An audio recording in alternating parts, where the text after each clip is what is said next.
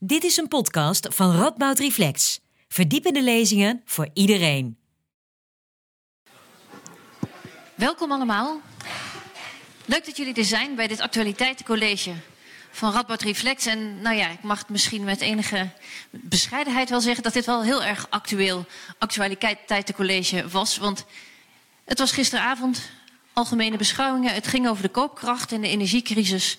Uh, en opeens gebeurde er iets, was er een uitspraak, was er een reactie en vervolgens liep het voltallig kabinet weg uit de Tweede Kamer. En dat is iets wat in Nederland nog nooit is gebeurd. Dus wij dachten, daar moeten we iets mee. Daar moeten we over in gesprek met wetenschappers van de Radboud Universiteit. En ik ben heel blij dat ik in de korte tijd die ik vanochtend had, Christophe Jacobs en Matthijs van der Zanden bereid heb gevonden om het met elkaar, met mij en met jullie uiteraard, uh, het hierover uh, te hebben. Want wat gebeurde hier nu precies?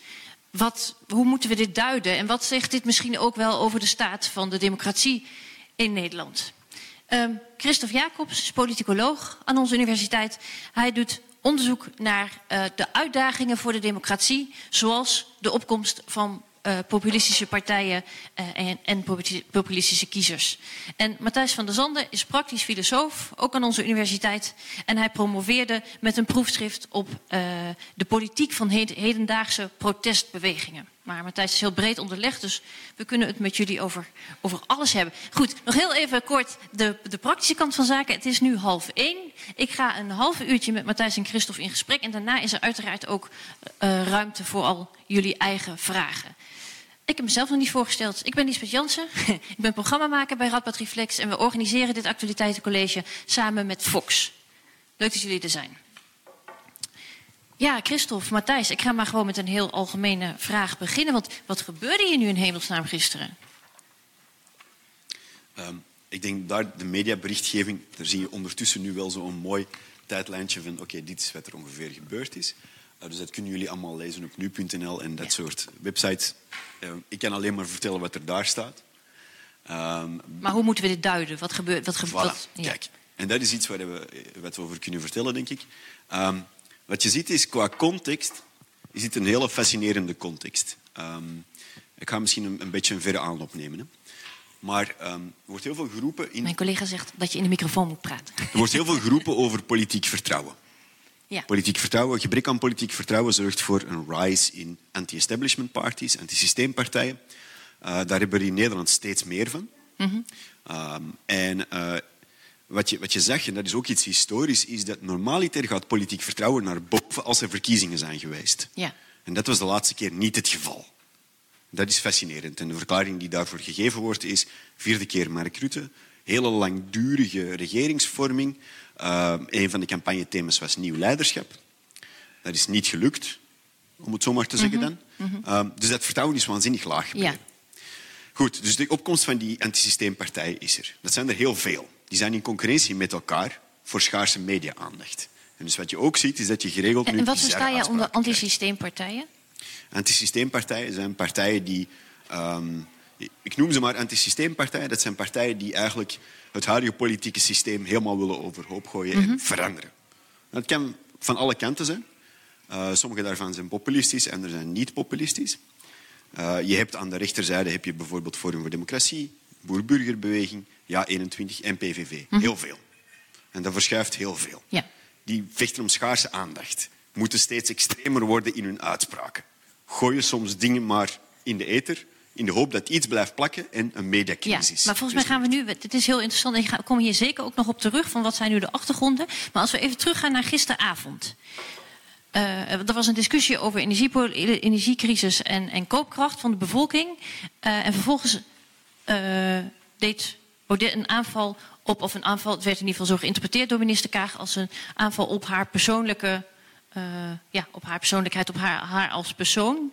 Uh, en zij stond op en de rest van het kabinet volgde. Dat is nog nooit gebeurd. Wat, hoe, wat, wat betekent dat? Wat zegt dat over. Nou ja, wat zegt dat gewoon op dat moment? Wanneer doet een kabinet dat? Gewoon weglopen? Nou ja, zoals je zelf al zegt, uh, kennelijk nooit eerder. maar um, nou, ik denk, ik denk allereerst, je, je, kunt, je kunt er denk ik wellicht wel van uitgaan dat, dat hier van, van verschillende kanten uh, op een bepaalde ontwikkeling van dit debat geanticipeerd is. Dus Thierry Baudet, die zegt evident een aantal dingen. Doet hij overigens bij heel veel debatten.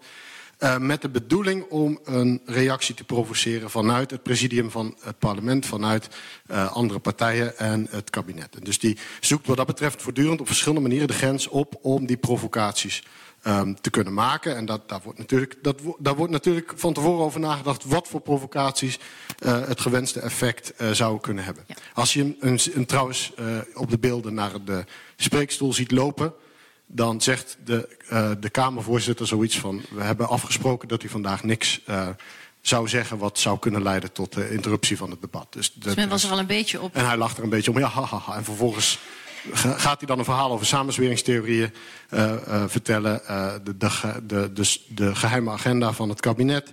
En begint, maakt hij een, een, een, doet hij een uitspraak over waar de minister gestudeerd had. en dat zou er dan mee samenhangen. Maar bedoel je dan dat, het, dat, de, dat het, de voltallige Tweede Kamer er eigenlijk al op gerekend had dat hij iets dergelijks zou gaan doen? Ik denk dat hij, nou allereerst, ik denk dat hij heel bewust in zo'n debat, dit is het meest zichtbare debat wat er is, die algemene beschouwing, is dat hij heel bewust aanstuurt op zo'n provocatie en op zo'n zo'n padstelling in de Kamer.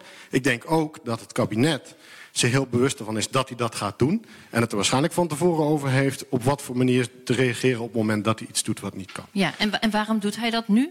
Omdat, uh, om, nou ja, omdat het uh, een zeer zichtbaar moment is. Maar ook omdat zijn politieke agenda er waarschijnlijk erg mee gediend is dat hem uiteindelijk het woord ontnomen wordt. Want dan kan hij zeggen: Kijk, er is hier iets aan de hand en ik mag er niet over praten. Ja. En mijn perspectief wordt niet erkend als legitiem, of mij wordt het woord ontnomen als enige in dit parlement. Dus dat is een provocatie die wat dat betreft waar hij op aanstuurt en waar hij ook succesvol in is ja. uiteindelijk. Ja, Christophe, denk jij ook dat dit een bewuste, geplande actie was? Ik kan niet in het hoofd van Baudet kijken. Ik kan niet in het hoofd van Baudet kijken. Dat begrijp ik. Ja, dus. Nee. Wat we wel kunnen zien is, wat zijn de patronen die hij in het verleden heeft gedaan. In het verleden is het zo dat Forum voor Democratie Kamerleden geregeld zaken doen waarvan ze weten van dit levert een mooi filmpje op. Ja. Een filmpje dat ze dan knippen en op sociale media gaan verspreiden. Dus met dat in het achterhoofd zou je kunnen zeggen van ze hebben een geschiedenis van dat soort dingen doen voor filmpjes. Het zou niet gek zijn dat dit ook met name erop gericht was om een mooi filmpje te maken over kijk, ik heb geen vrijheid van meningsuiting. Ja. Wat er echt speelt in het hoofd van Baudet, I don't know. Want dat, dat, dat zei je ook, hè, Matthijs? Het is eh, zo'n zo filmpje om te kunnen laten zien naar je achterban. Zie je nou wel, ik mag niet. Ik mag, ik mag niet aan het woord komen. Ons wordt steeds meer het spreekrecht ontnomen. Denk je dat hij het ook doet om stemmen te winnen? Wederom, weet ik niet. Wat we wel weten is dat het in de peilingen niet goed gaat met Forum voor Democratie en dat er binnenkort provinciale statenverkiezingen gaan zijn. Die provinciale statenverkiezingen van de vorige keer, herinner u, de grote winnaar was Forum voor Democratie. Wat je straks gaat zien bij de uitslagenavond waarschijnlijk is gigantische mincijfers qua zetels en percentages voor Forum voor Democratie. waar zijn die stemmen gebleven dan? Daarvoor hebben we kiezersonderzoek nodig. Daarvoor hebben we verkiezingen nodig. We don't know yet. We hebben alleen maar Je had een idee, zei je in je voorgesprek. Ja, wat, er, wat we zien bij de Tweede Kamerverkiezingen van 2021 is dat een deel van die kiezers die potentieel eigenlijk op uh, Forum voor Democratie stemt, die komen van CDA. Dat zou je misschien niet verwachten. Bij het CDA zit namelijk ook een hele grote groep kiezers die fan waren van het referendum.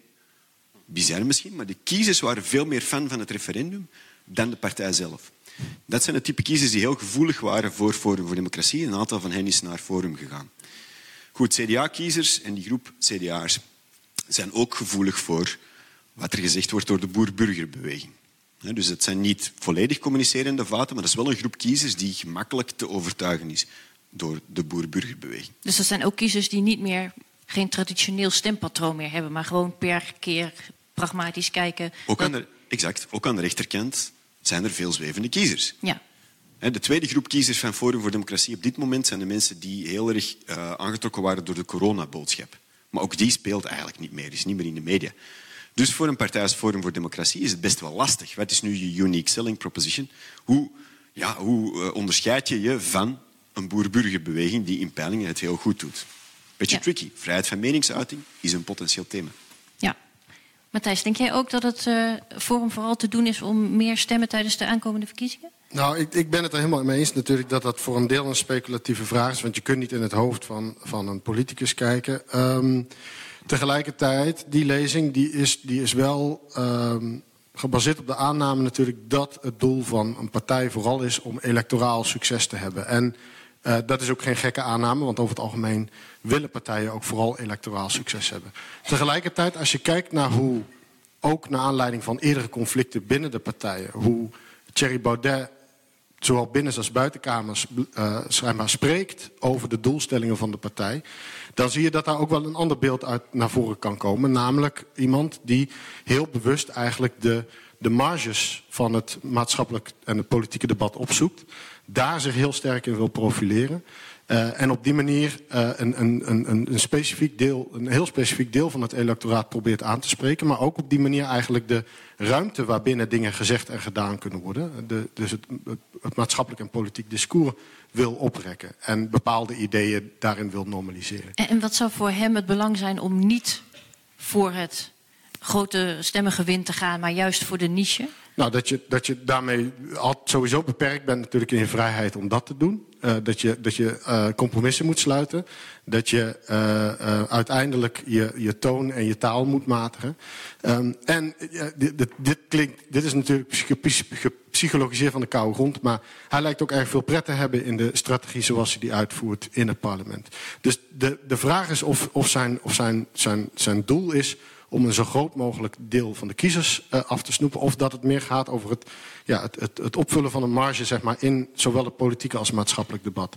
En daarin hebben ze ook wel politiek effect. Want dat heeft natuurlijk wel uh, implicaties voor ja, het politiek discours dat we gebruiken, voor de thema's die leven, et cetera. Ja, ja, Christophe, jij zei net ook al, hè, misschien gaat het ook om, vooral om de filmpjes die nu geknipt kunnen worden naar aanleiding van dit debat. Kunnen we daar al iets over zeggen? Zien we op social media of zo hier reacties op? Het levert behoorlijk wat debat op. Uh, dus dat is heel duidelijk. Um, goed, het zou kunnen dat dat inderdaad is om stemmen te winnen.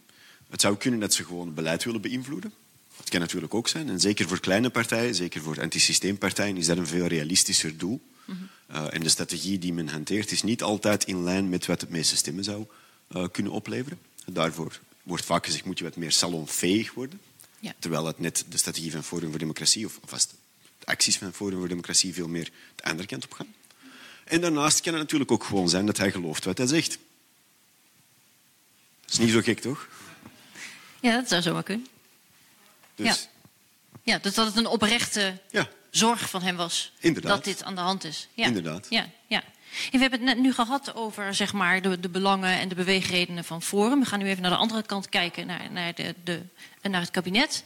Uh, er zijn natuurlijk de laatste tijd veel geruchten geweest over, nou, dat staat het kabinet niet al lang op omvallen en hoe, hoe inhoudelijk uh, coherent is het eigenlijk nog. Wat zegt dit, dat ze met z'n allen weg zijn gelopen? Kijk eens even naar jou. Ja, uh, vond ik heel interessant. Er wordt, dat, dat, lijkt een soort constante te zijn bij de regeringen Rutte, dat de pers zegt van, oh, het kabinet staat op omvallen. En dat dat maar steeds niet gebeurt. En ook nu was er weer de gedachte dat het kabinet snel gaat omvallen. Het feit dat ze met z'n allen tegelijkertijd weggaan, voor mij is dat een indicatie dat het best nog wel snor zit achter de schermen. En dat die partijen achter elkaar staan. Mm -hmm. uh, en dus dat niet kaag zomaar under de bus gegooid wordt. Zou het misschien zelfs de onderlinge verhoudingen hebben kunnen verbeteren? Dat ze, dat ze zeg maar, nu weer met z'n allen achter Kaag en dus achter elkaar staan? Ja, dus je, je ziet dat het wel voor, voor zo'n consistentie van zo'n coalitie van vier partijen... is het natuurlijk nooit slecht als er een vijand is die hen bindt. Daarnaast is het natuurlijk ook zo dat dit, dit zijn de partijen die zich heel vaak beroepen op we have to get things done voor het belang van het land. En dus we zitten ook in een situatie met drie grote crisissen die tegelijkertijd aan het spelen zijn. Klimaatcrisis, de oorlog in Oekraïne en dan de energiecrisis. Een beetje gerelateerd aan elkaar. Ook dat is een soort gemeenschappelijke vijand. Dus dat zijn twee dingen die toch wel een bindmiddel kunnen zijn voor zo'n coalitie. Dus dat kan zeker helpen. Ja, ja Matthijs, jij zei er vanochtend ook al even over van... het is voor het kabinet ook helemaal niet... het is niet een goed moment om te vallen. Want er is helemaal geen... dit is niet nee. het moment om een nieuwe formatie te willen aangaan. Nee, wellicht niet. Um, ik bedoel, men, men, kan natuurlijk wat dat betreft... Uh, uh, terug te komen op de vraag... Ja, waarom doet men dit? Ja. Um, uh, men kan natuurlijk allerlei redenen hebben om... Um, hoe zeg je dat, uh, solidariteit uit te stralen... of een zekere cohesie of samenhang als, als kabinet uit te stralen. Tegelijkertijd, um, zoals gezegd, dat er op zo'n manier geprovoceerd zou worden... viel in zoverre te verwachten dat Forum voor Democratie-leden dat eerder hebben gedaan. Er zijn eerder dit soort interrupties geweest van het debat... Um, En de, ja goed, de, algemene beschouwingen zijn het moment om zichtbaar te zijn, die mooie filmpjes te maken, uh, et cetera. Uh, dus het, het, is niet, het is niet ondenkbaar dat men heeft gezegd, uh, speculatie natuurlijk, maar het is niet ondenkbaar dat men heeft gezegd op het moment dat hij nu over de scheef gaat, dan moeten we hier op een bepaalde manier op reageren. Daar kan je wel de kritische kanttekening bij plaatsen wat mij betreft, dat ik dit wel het, het slechtst mogelijke moment vond om dat te doen. Want uh, Forum voor Democratie en heel veel andere partijen zeggen natuurlijk al jarenlang van alles over allerlei mensen in het parlement, over groepen in de bevolking, uh, gaan daarmee uh, wat, wat, wat rest betreft sterk over de grens. criminaliseren mensen, bespotten mensen, discrimineren mensen met hun uitspraken. Um, en wat mij betreft is het heel legitiem om op een gegeven moment te zeggen: hier leggen we een grens, wij trekken ons terug uit het debat op dit moment, want we vinden dit geen legitiem standpunt. Maar om dat dan te doen op het moment dat in plaats van al die groepen waar we het eerder over hadden, één individuele minister uh, wordt beledigd, dat vind ik erg ongelukkig. Dus ik vind wat dat betreft de prioriteit die eruit spreekt, uh, ja, die, die, die, is, die is wat mij betreft wel erg problematisch. Wat mij betreft had men dit veel eerder kunnen en moeten doen. Ja, want je bedoelt nu hij valt iemand aan die daar zit, die ook iemand is met veel macht, die zich dus kan verweren in principe. Terwijl in het verleden groepen mensen zijn, zijn beledigd en weggezet die niet die macht hadden om uh, zich te. Precies. En, en als het argument is, hier wordt een grens overschreden. Wel, die grens is al veel, heel vaak overschreden. En ook met betrekking tot heel veel verschillende mensen. En dus wat dat betreft, ja goed, is, is het, is het, ja, is, is, als je het signaal wil geven van er zijn grenzen aan die vrijheid van meningsuiting in dit debat, er zijn grenzen aan wat je hier kan zeggen. Ja, dan is de belediging van een van de leden van het kabinet wellicht niet de best gekozen moment als er al zoveel andere mensen uh, ja, de, eigenlijk op dagelijkse schaal door dit soort partijen uh, beledigd en gediscrimineerd worden. Ja. ja. Wat vind jij, Christophe? Was het de goede actie van het kabinet om op te staan, weg te lopen? Kan ik weinig over zeggen. Wat ik wel kan zeggen is dat de context is, is natuurlijk eentje waarbij dat, um, die complottheorieën heel vaak gelinkt worden aan online intimidatie. En die online intimidatie van politici vertaalt zich, sinds de coronacrisis, steeds meer in fysieke, daadwerkelijke bedreigingen en intimidatie. En dat is de context hier. Dus ik kan me voorstellen dat in die context iemand publiekelijk op zo'n belangrijk moment, minister van Financiën, beschuldigen van een spion te zijn, dat in die context dat dat absoluut een grens is die overschreden is en dat we daar ook niet lichtzinnig over moeten doen, omdat we hebben gezien dat in de praktijk dit kan leiden tot online intimidatie en ook daadwerkelijke fysieke intimidatie. Ja, dus je zegt dat was eigenlijk helemaal niet zo gek, want, want de gevolgen voor Kaag zullen groot zijn. De potentiële gevolgen voor Kaag kunnen groot zijn. Ja, ja dus we moeten daar niet lichtzinnig over doen. Nee, nee, we hebben gezien dat er in de praktijk, helaas, in de hedendaagse Nederlandse politiek, daadwerkelijk tot bedreiging kan leiden. Ja. Ja, maar het feit zelf dat er een keer een grens gesteld wordt en het kabinet zegt: we laten niet alles met ons gebeuren, er kan, hier kan niet alles gezegd worden. Daar zijn jullie het allebei mee eens dat dat op zich goed is dat, dat, de, dat die grens gesteld is, zeg maar.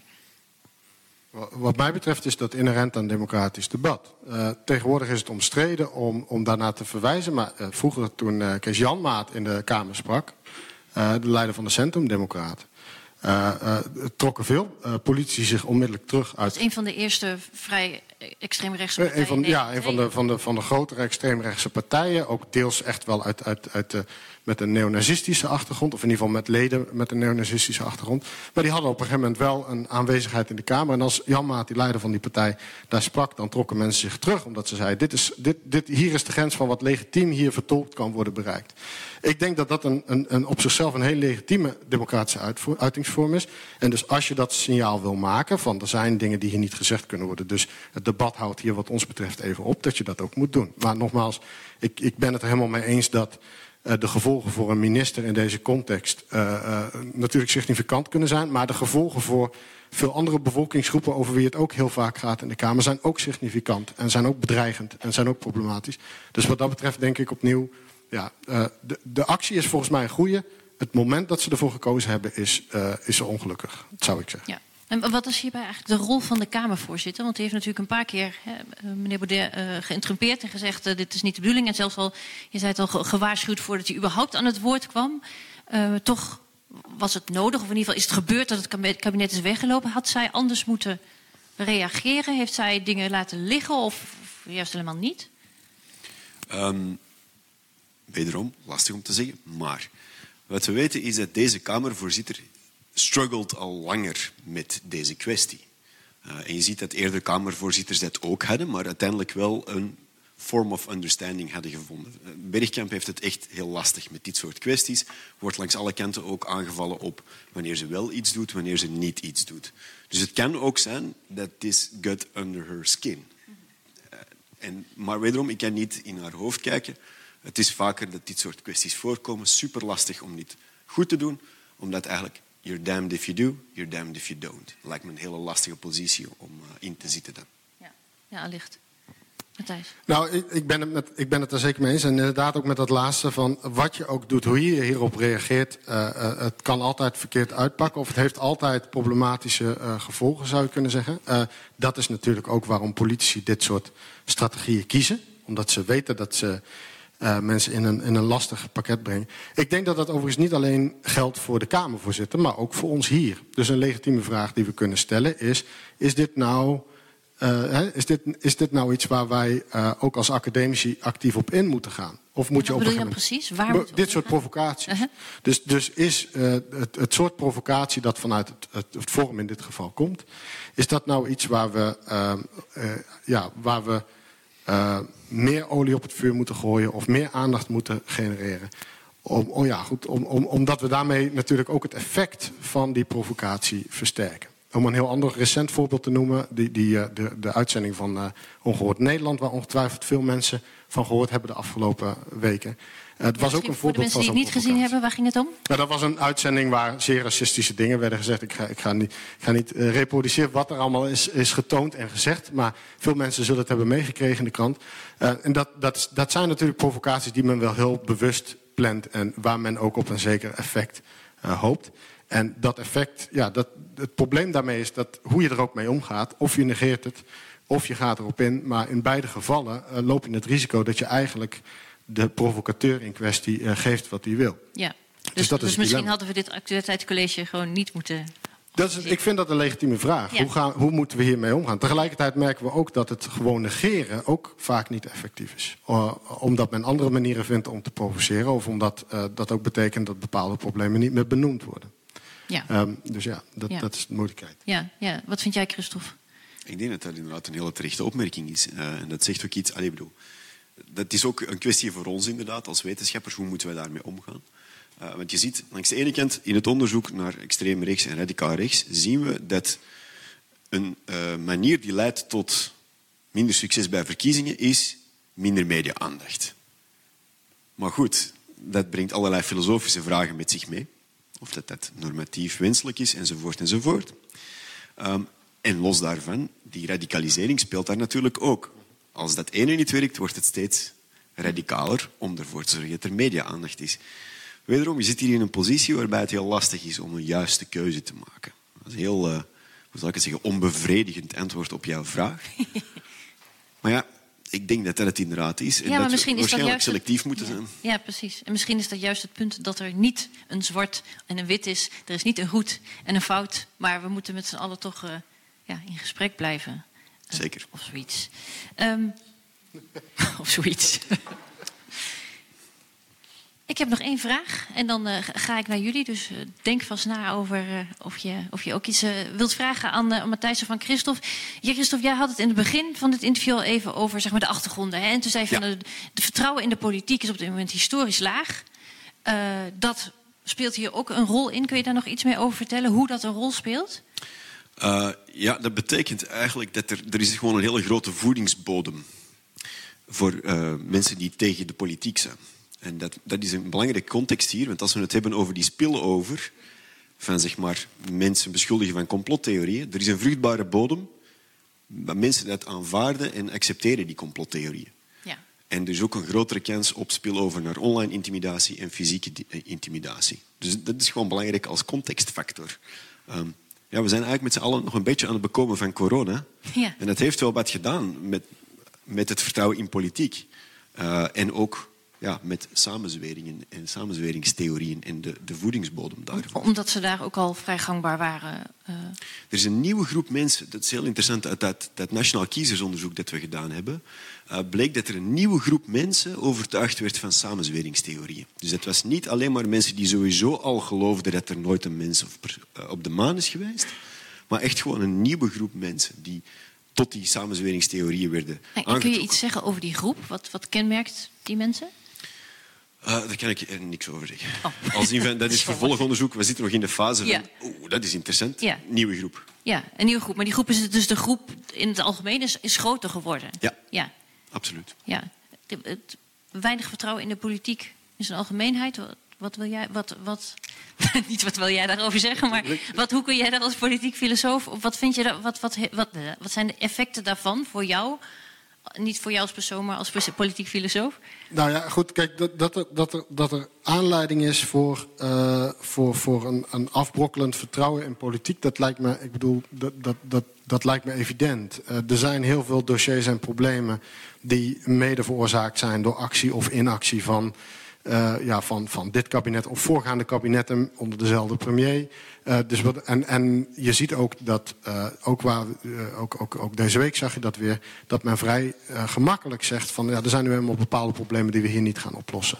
Um, dus dat mensen daardoor hun vertrouwen in in de politiek tussen aanhalingstekens uh, kwijtraken. Of in ieder geval in, in, in coalitiepartners. Dat, is, dat is wat mij betreft heel begrijpelijk. Ja. Um, tegelijkertijd, wat wel interessant is, is dat hoe dat wantrouwen gevoerd en geduid wordt, dat kan natuurlijk op heel verschillende manieren, dat wantrouwen. Dus je kunt je kunt, uh, uh, je kunt dat aan allerlei verschillende politieke eisen en programma's verbinden. En je kunt dat wantrouwen wat dat betreft ook vruchtbaar inzetten als, als mobiliserende factor voor, voor een, een, een breed scala aan politieke agenda's.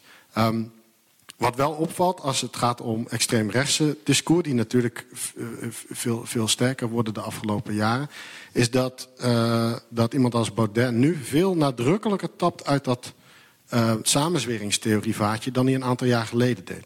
Dus opnieuw, ik ben het ermee eens. Je kunt natuurlijk nooit, je, je, je kunt natuurlijk nooit uh, zeker weten of een politicus meent wat hij zegt of niet. Maar wat we wel kunnen zien is dat het discours dat ook een Baudet gebruikt in de loop der jaren echt veranderd is. En dat samenzweringstheorie daar een veel belangrijkere rol in is gaan spelen dan het voorheen deed. En dat geldt overigens niet alleen voor Baudet, dat geldt voor meer extreemrechtse ja. uh, partijen. En dat ja. suggereert wel dat daar een, een vruchtbare voedingsbodem is voor extreemrechtse politici om ja, om, hun, om hun invloed uh, uh, of hun, uh, hun aanhang, en daar kun je over discussiëren welke van de twee ze belangrijk vinden, maar hun invloed of hun aanhang uit te breiden. Ja, ja, want je begon met te zeggen, hè, wantrouwen in de politiek is, uh, is de afgelopen jaren enorm toegenomen. Dat is natuurlijk niet iets helemaal nieuws, maar is er iets, is er iets veranderd in zeg maar het, het soort wantrouwen, of het wantrouwen, waar, waar richt zich dat op? Is dat anders dan in het verleden? Nou, wat je, wel, wat je natuurlijk wel ziet, maar goed, dat, dat is eigenlijk meer een vraag voor een empirische onderzoeker. Uh, maar wat, wat, wat, wat, ik, wat ik als, als iemand die net als mensen hier in de, in de ruimte, uh, uh, net als jullie allemaal, lees ik ook de krant. En, en, wat ik wel meen te zien is inderdaad dat dat wantrouwen zich meer uit door, door te verwijzen impliciet of expliciet naar de al dan niet verborgen agenda van individuen. dat zie je wel heel sterk. Ja. Um, uh, tegelijkertijd is het een teken aan de wand, en ook dat is deze week weer opnieuw weer empirisch aangetoond, dat het vertrouwen in het huidige kabinet historisch laag is op dit ja. moment. Um, maar hoe zich dat uit, dat, dat, is wel, dat is wel frappant. Dat uit zich dan nou, bijvoorbeeld door een verwijzing heel nadrukkelijk naar Kaag in dit geval en haar verborgen politieke agenda. En dat lijkt wel sterker te resoneren dan een aantal jaar terug. Ja, dus wantrouwen vooral op de man gespeeld in plaats van op de partij. Is dat iets wat jij herkent? Um, moeilijk te zeggen. Uh, wat betreft die samenzweringstheorieën, inderdaad, die, het is interessant om te zien dat samenzweringstheorieën een stem in de Tweede Kamer hebben. En, en dat is interessant. Uh, samenzweringstheorieën richten zich meestal op een schimmige elite. Uh, en het interessante is dat je hier heel duidelijk inderdaad ziet dat dat ook echt op de man slash vrouw gespeeld wordt. Het wordt concreet gemaakt. Niet er zijn spionnen van, maar jij bent een spion. Dus dat is interessant. Uh, ja, je ziet inderdaad ook die toename van intimidatie van politici en dergelijke. Dat zag je met name tijdens de coronacrisis heel erg. Goed, daarvoor kwam dat natuurlijk ook voor. We hebben in, in het verleden in Nederland ook bizarre dingen meegemaakt. Pim Fortuyn is vermoord enzovoort. Weet je. Dus het is, het is niet dat dat nooit eerder gebeurd is, maar in de recente, heel recente politieke geschiedenis is dat wel interessant, opvallend om te zien. Ja, het is niet nieuw, maar het is wel weer een nieuwe fase. Ja, je zou kunnen zeggen dat het zo gaat. Ja. Ik bedoel, ja. ja. Goed, volgens mij is er nog genoeg om over na te denken. En ik ben ook heel benieuwd hoe dit verder gaat. Maar jullie zijn geen profeten. Dus we houden het hierbij. Heel veel dank, Matthijs van der Zanden en Christophe Jacobs.